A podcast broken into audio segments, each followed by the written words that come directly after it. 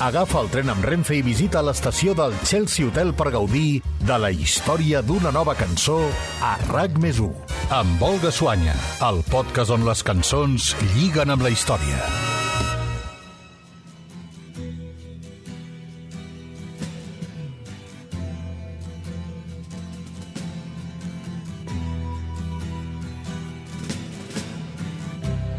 Ground control to Major Tom. Ground control to Major Tom. Space Oddity és un tema tan fascinant com inquietant.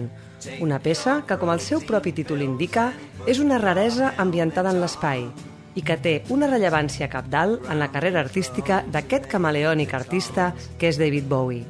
No només pel fet de ser una de les peces clau del seu repertori, sinó també pel que va significar per ell a nivell personal i per la dimensió que la cançó ha tingut tant en el moment del seu llançament com al llarg dels darrers 50 anys.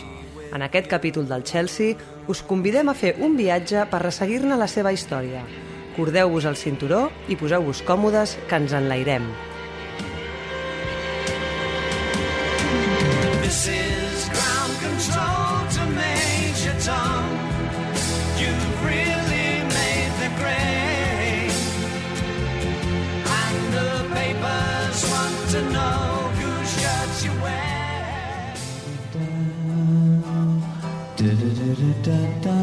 Ens traslladem a la primavera de 1968.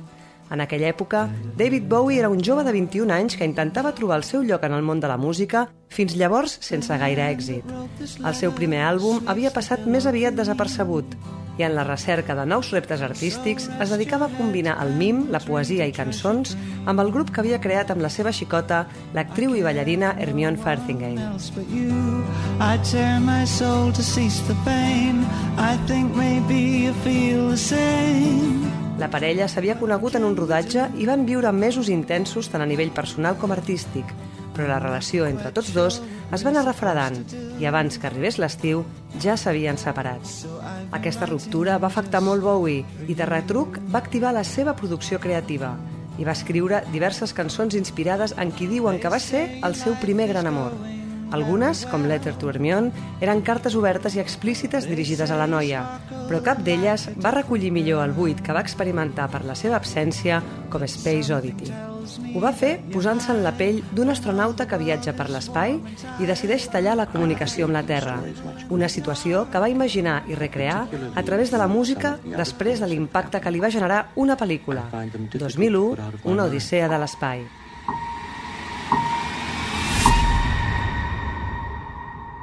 Open the pod bay doors, please, Hal.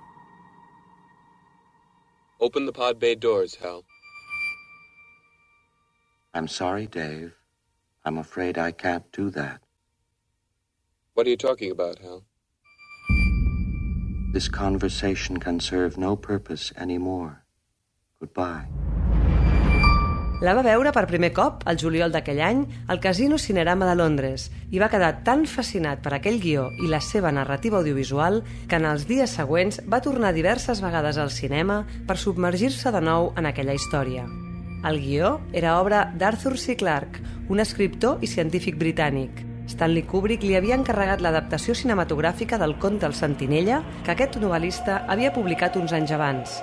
El va escriure durant el temps que va viure a l'habitació 1008 del Chelsea Hotel i, executat sota les ordres del director nord-americà, s'ha convertit en una de les pel·lícules més aclamades de la història.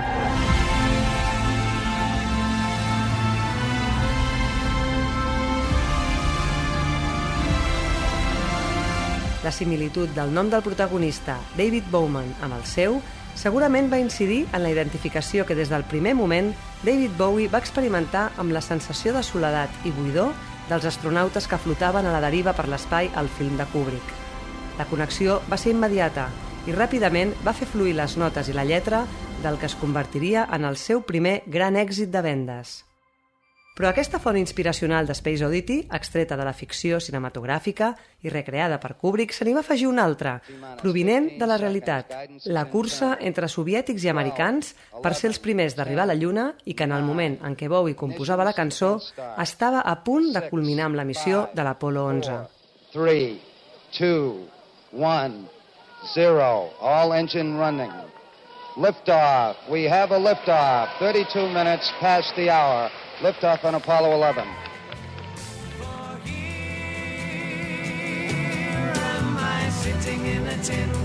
El fet que la cançó s'edités pocs dies abans del llançament d'aquesta missió espacial va ser determinant també a l'hora de catapultar Space Oddity a la fama.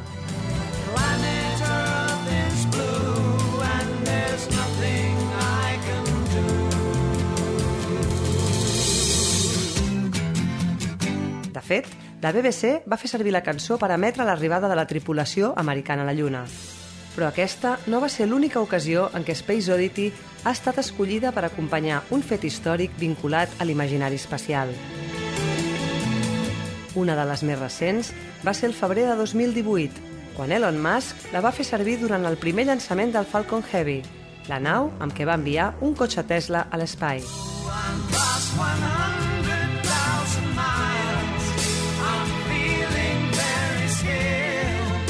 Més enllà del pes de la cançó de David Bowie, el fundador de SpaceX aprofitava el repunt que havia tingut Space Oddity 5 anys abans gràcies a Chris Hadfield, un astronauta canadenc que va fer-ne una versió des de l'Estació Espacial Internacional.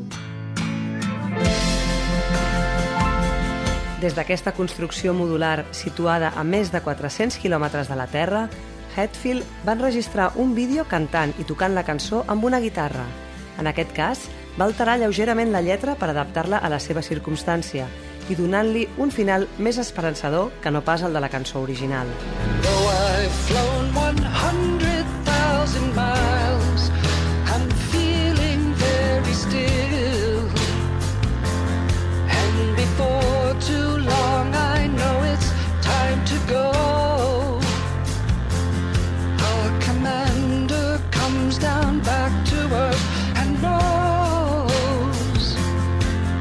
Hetfield va publicar el vídeo a YouTube dedicant-lo a David Bowie i aquell mateix dia el músic britànic va publicar un missatge al seu compte de Facebook on comentava que possiblement aquesta és la versió més commovedora de totes les que mai s'hagin fet de Space Oddity.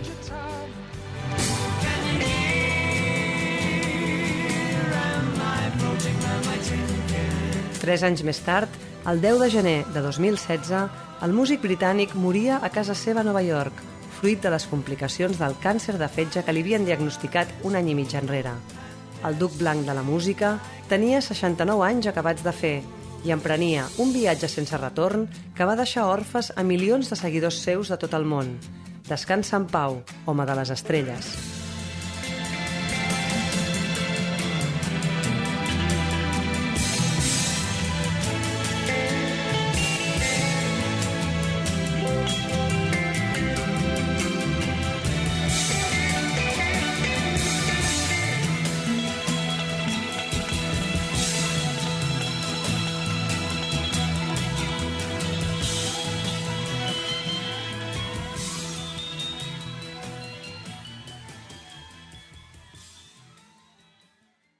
El tren de Renfe, amb parada a Chelsea Hotel, reprendrà el seu viatge i tornarà dissabte que ve amb noves cançons a RAC més 1, amb Olga Suanya, el podcast on les cançons lliguen amb la història.